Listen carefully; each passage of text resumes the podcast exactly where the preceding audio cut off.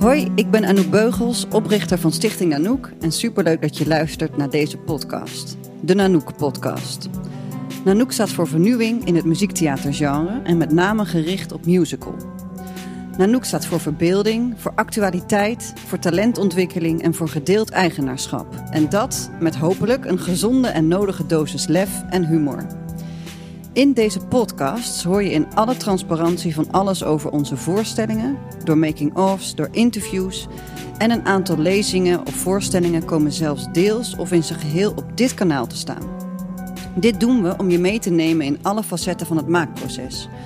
En daarnaast willen we echt graag feedback en een open dialoog met iedereen die dezelfde fascinatie heeft voor dit mooie, complexe vak. Dus abonneer je om niks te missen, om op de hoogte te blijven van de ontwikkelingen en draag je steentje daaraan bij en laat ons dus weten wat je ervan vindt. En heb je goede ideeën? Kom maar door. Hoi, mijn naam is Diede Vonk. Ik ben maker en host van deze podcast. Je luistert naar het eerste deel van de making-of van de voorstelling Niet Antigone. Ik neem je mee in het maakproces van deze voorstelling. Je hoort alles over de ups, de downs en de onverwachte wending die dit proces kreeg. Ik denk dat ik er echt uitkom als de slechterik. Zo voelt het. Een beetje zo Gollum, zo alles zo naar me toe trekt. Nee, het is mijn stuk. Hey, je moet je precious delen, schat. Ja, het is gewoon heel moeilijk om in dit vak een plekje in te nemen. Dat is gewoon de onzekerheid van elke performer. Want dan voelt het ook als een soort afwijzing of als dat ik niet goed genoeg ben of zo. Ook hoor je al wat muziek uit de voorstelling.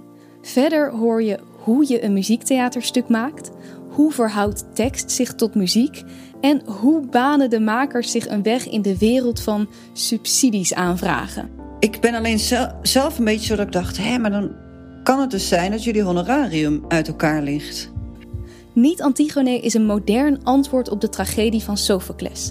Een nieuwe gecomponeerde muziektheatervoorstelling die speelt met de conventies van het genre musical. Anouk Beugels, die je net in de intro al hoorde, is de regisseur en coach. De schrijver van het stuk is Amanda Payne en componist is Charlotte Dommershausen. Amanda krijgt schrijfcoaching en dramaturgisch advies van niemand minder dan Ramzi Nasser. En Charlotte krijgt muzikale coaching van niemand minder dan Jeroen Slijver.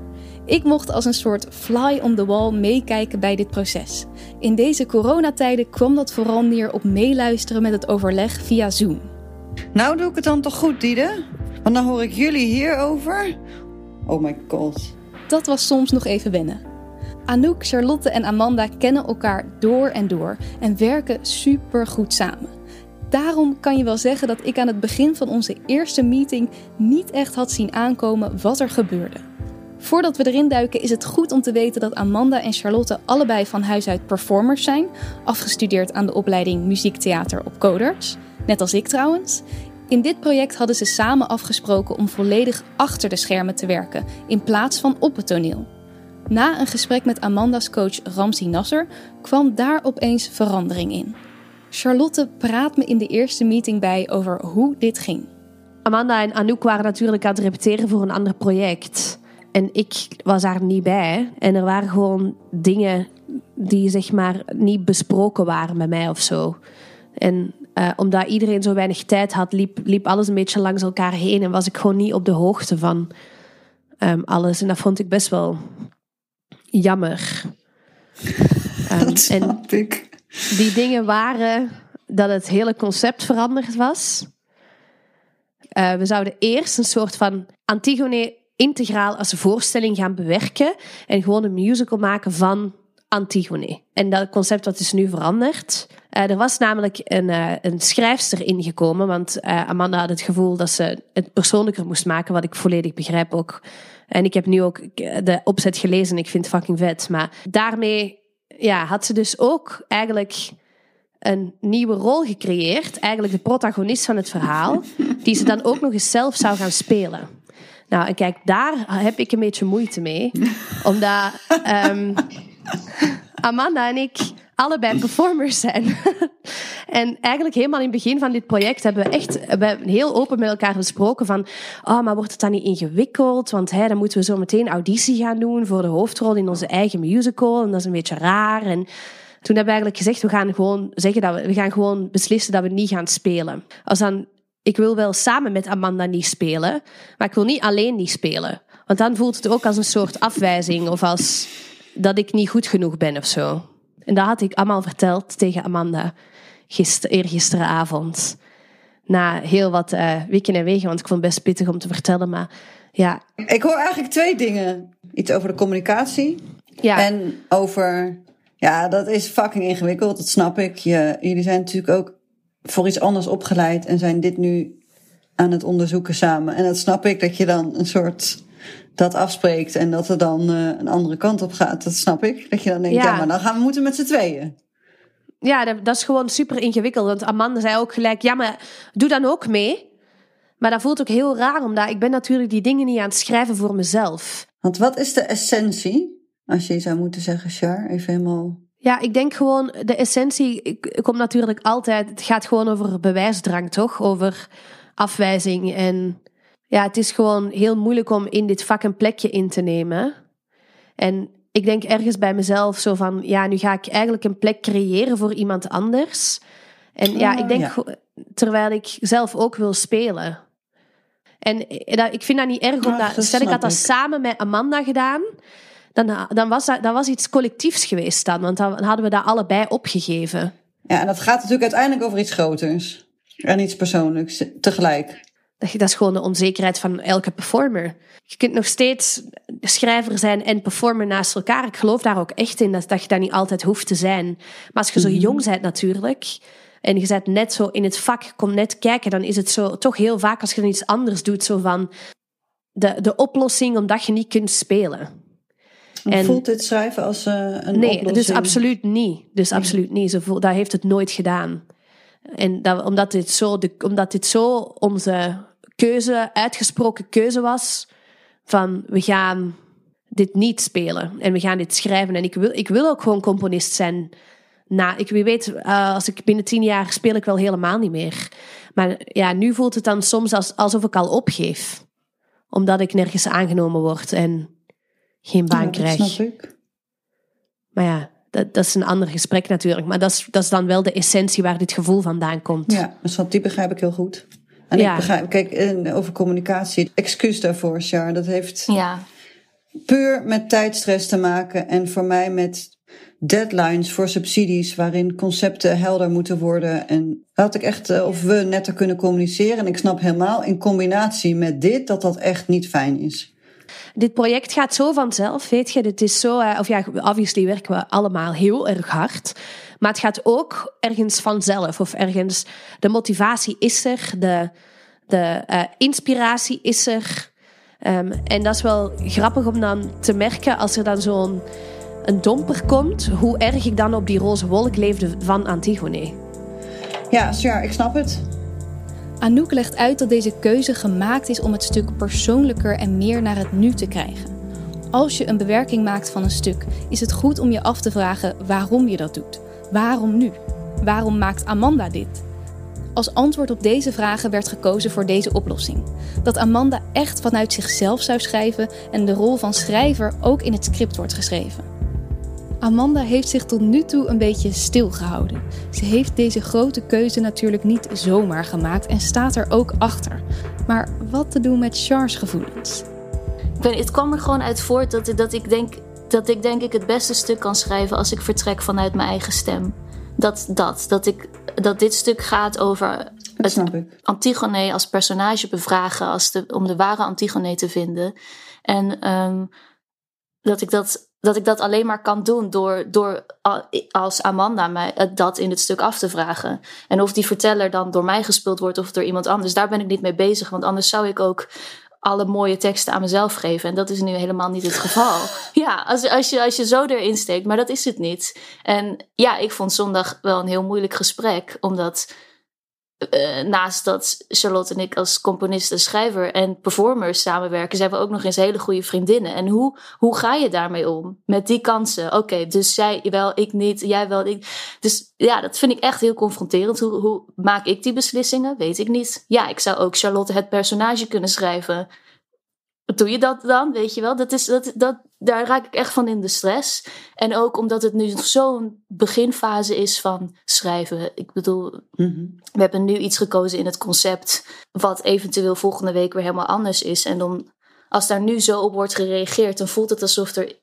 Alsof er wordt geroerd in iets wat nog niet eens bestaat. En dan, dat is echt, dat is best wel heftig als, als je Ja. zo aan het begin van een proces zit. Dat ik denk, oké, dus als ik straks naar links ga, krijg ik dat. En als ik straks naar rechts ga, krijg ik dat. Terwijl er, er is nog helemaal geen route waar we naartoe gaan. Ik weet niet wat het einde van het stuk is.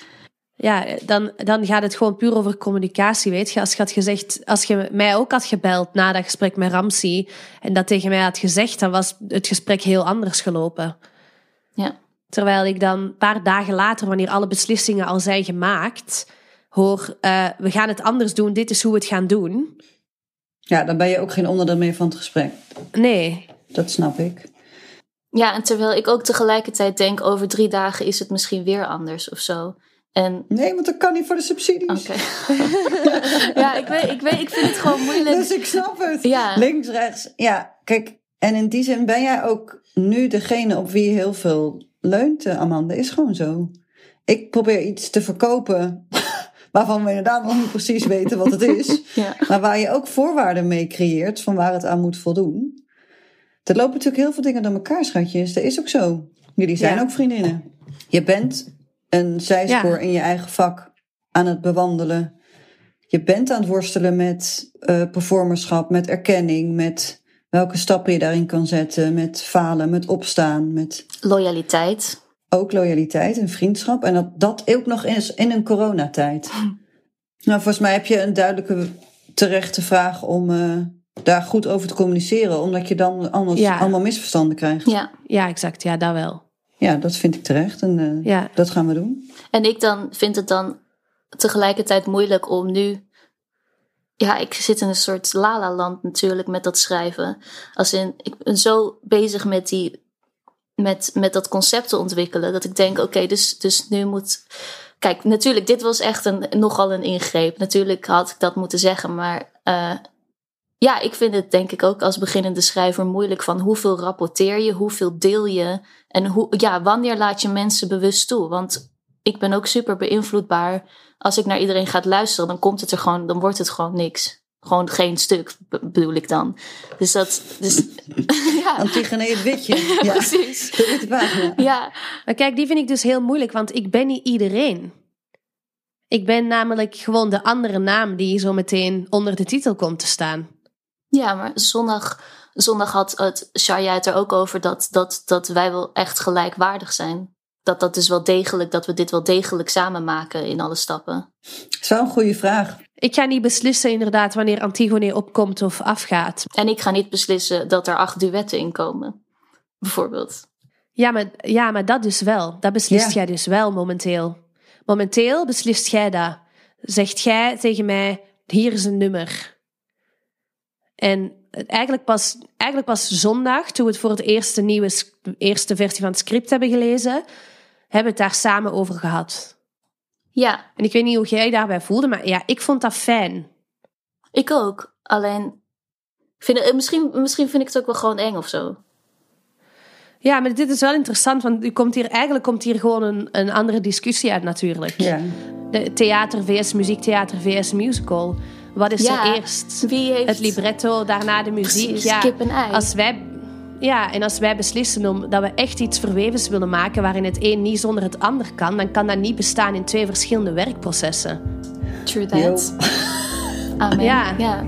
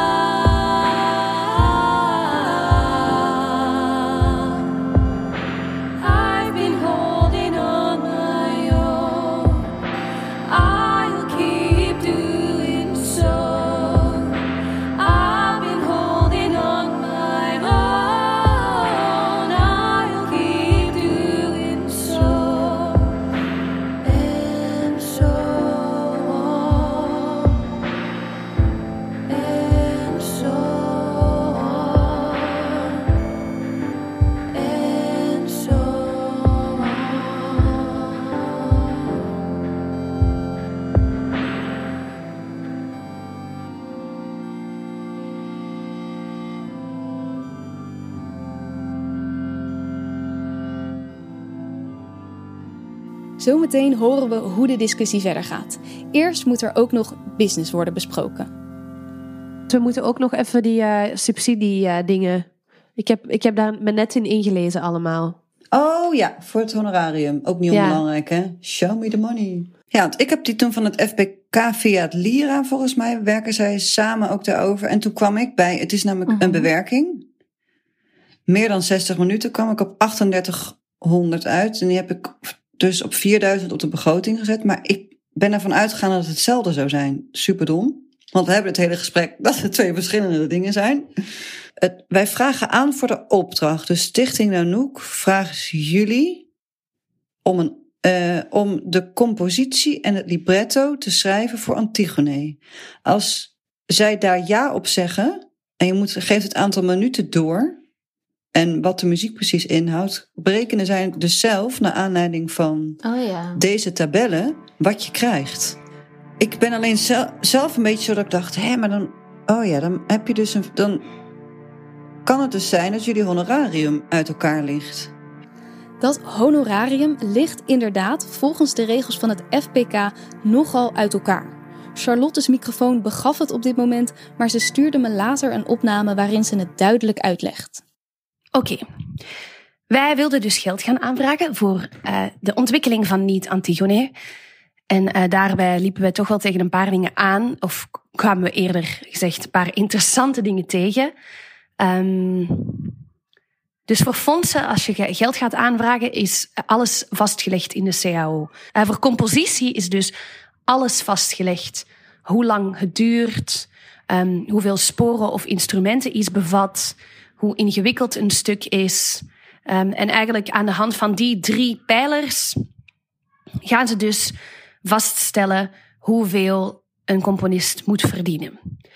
Nou, als je een muziektheaterstuk gaat schrijven of een musical, dan zit je nogal snel in medium ingewikkelde muziek. Dus het is, ehm, geen Rachmaninoff, maar het is ook geen minimal music. Dus ik schrijf ook niet voor instrumenten. Ik, ik heb sporen. Dus dat staat er ook allemaal heel netjes in uitgelegd. Dus ik heb dan verschillende sporen. Nou, voor sommige nummers, weet je, kan ik echt wel makkelijk 50 tot 60 sporen hebben. Dat is iets anders dan eh, instrumenten. Dus daarvoor hebben ze eigenlijk niet nagedacht. Je, je voegt heel snel een soort layer toe, een soort extra plingeltje of een, ehm, een opvulding of een, twee of drie basjes zelfs. Terwijl in de popmuziek en in de klassieke muziek is dat niet zo. Dus dat is sowieso al vrij ingewikkeld. Dus wij hebben toen gezegd van ja, laten we dan gewoon zeggen iets van 8 tot 12 sporen. Ehm, omdat het, die tabel echt gemaakt is voor de klassieke muziek. Dus ingewikkeldheid, sporen ah, en de duur van de muziek. Ehm, de duur hadden we dan gezegd ehm, tot 30 minuten. Maar ja, je bent ook al snel voorbij 30 minuten, een uur zeg maar. Dus dat was eh, vrij interessant.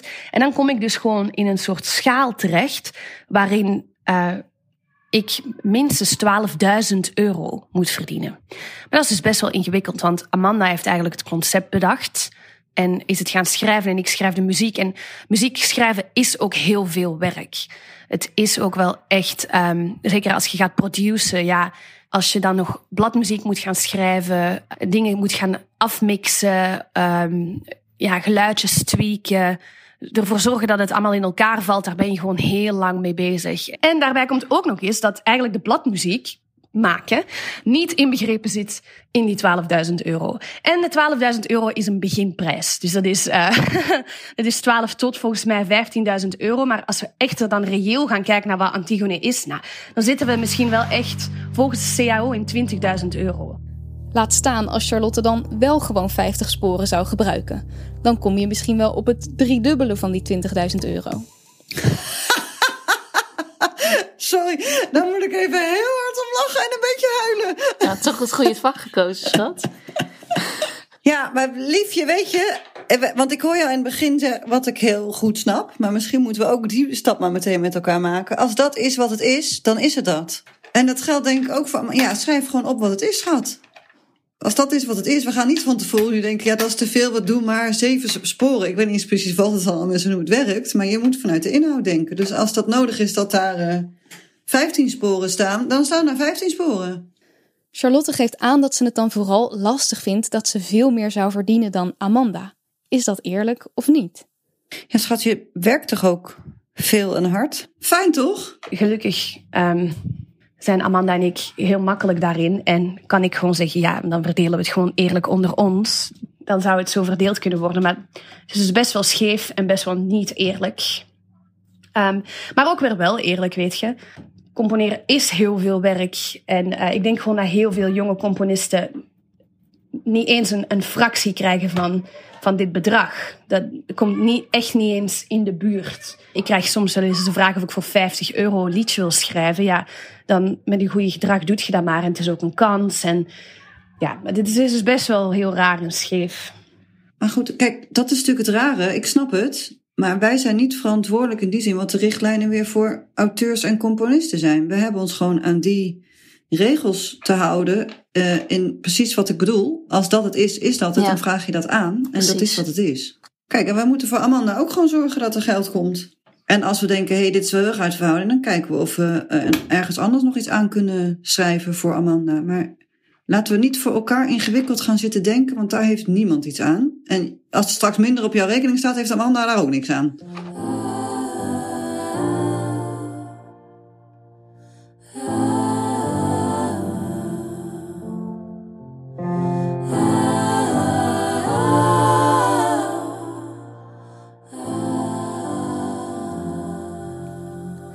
Dan de hamvraag. Wat is de oplossing voor het feit dat Amanda nu wel ook als performer op de vloer gaat staan en Charlotte niet?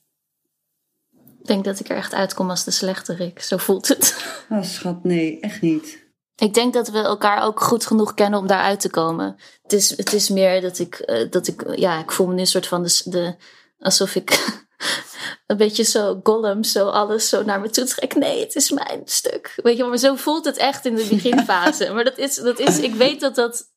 Ah, ik weet ja, niet. je moet je precious delen, schat. Ja, ja. ja. Het is gewoon, la- het is gewoon een moeilijke, een moeilijke positie. Dat is waar. Maar moeilijk is niet per se slecht, hè? Zou het heel erg zijn als jullie wel vanuit de motivatie zouden denken: fuck it, eh, er is geen werk, eh, we gaan zelf rollen creëren? Ik weet, ik vind dat ook niet slecht, hè? Nee, klopt. Maar ik vind het wel moeilijk als, als, ik, het, als ik dan erin zit en, en Char niet. Als wij dit samen maken, inderdaad, zo van: oké, er zit nu een, een schrijfsterrol in, maar er zit geen componistenrol in.